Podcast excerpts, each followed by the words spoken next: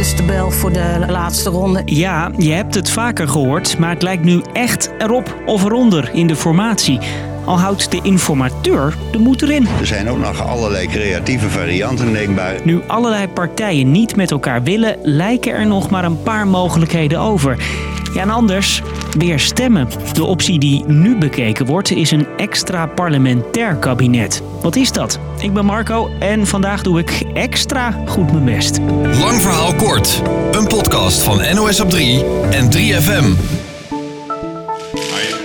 Het is een aanzet Die variant van de vijf vinden wij niet logisch. voor een opzet. Ik weet het niet. Voor een, eh, een mogelijk regeerakkoord. We zijn allemaal nog steeds eh, in de mand. Eerst in de mand, toen weer uit de mand. Nou, hij heeft zich op de reservebank gezet, of het reservemandje zo je wil.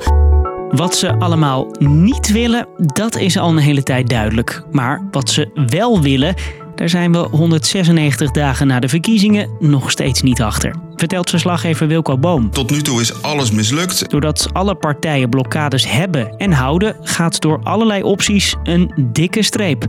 VVD wilde graag eenzelfde kabinet als nu met de ChristenUnie. Dat wilde D66 niet. D66 wilde graag een kabinet met PvdA en GroenLinks. Dat wilde VVD en CDA niet. En ook een minderheidskabinet met VVD, D66 en CDA heeft geen kans van slagen, blijkt de afgelopen dagen. Wij trekken woensdag definitieve conclusies. Hoe komt dat nou? Volgens een van de informateurs, Mariette Hamer, speelt de periode na zo'n nieuw kabinet al een grote rol. Ja, het lijkt bijna wel angst voor de volgende verkiezing. Dus het wordt er heel erg nagedacht. Als ik nou met die twee ga, dan vindt mijn achterban dat ik te veel naar links hang. Maar ja, wat nu? Een andere optie geopperd door meerdere mensen. Dat is een extra parlementair kabinet. Een extra parlementair kabinet klinkt nu als serieuze optie uit Den Haag. Om uit te leggen wat zo'n extra parlementair kabinet is, kijken we eerst even hoe een normaal meerderheidskabinet in elkaar zit. Partijen leggen in zo'n meerderheidskabinet in een dik regeerakkoord vast wat ze de komende vier jaar gaan doen en hoe. Het zijn soms ook plannen waar een partij eigenlijk niet voor is, maar die krijgt er dan weer wat anders voor terug. En zo staat de meerderheid van de Tweede Kamer achter de plannen, want die zit in het kabinet.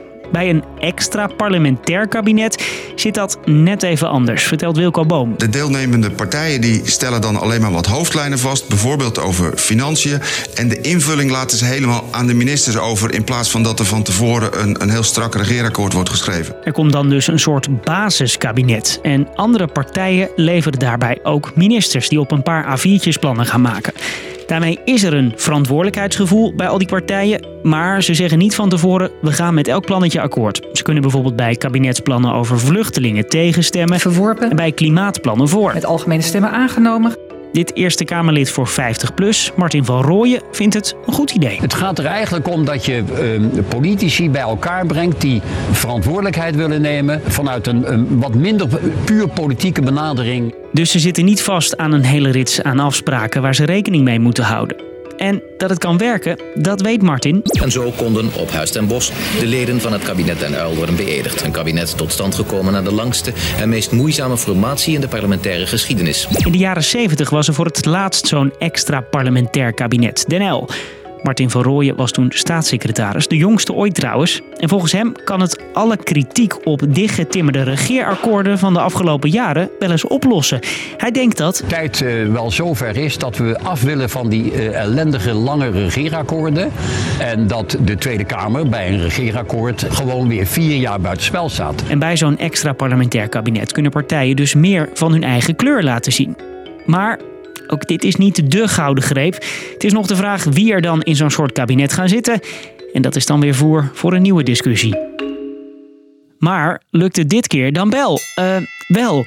Het zal een keer moeten, zegt een van de eerdere informateurs Hamer. Als je alsmaar doorgaat met opties verkennen, ja, op een dag zit je onder de streep en dan heb je niks. Waar staan we dan nu? We komen steeds verder onder, uh, in de buurt van die streep waaronder nul is. En nul is eigenlijk nieuwe uh, verkiezingen. Er is nog een andere optie. Dan moeten er zes partijen in een traditioneel meerderheidskabinet gaan zitten.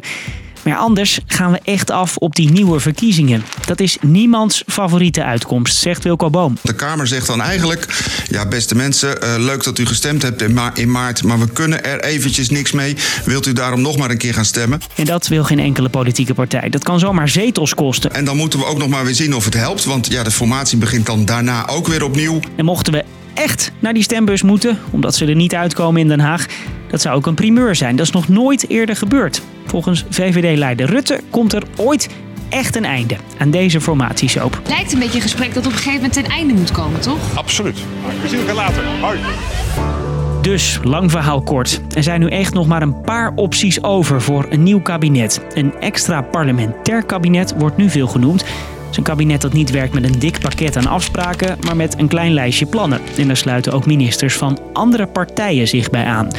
Nu blijft de vraag: lukt het dit keer wel? Ah, daar klinkt de bel. De laatste ronde. Jij nog iets te drinken? Maak het niet te laat. Wij stoppen zo, want we gaan weer extra ons best doen voor de podcast van morgen. Bedankt voor het luisteren.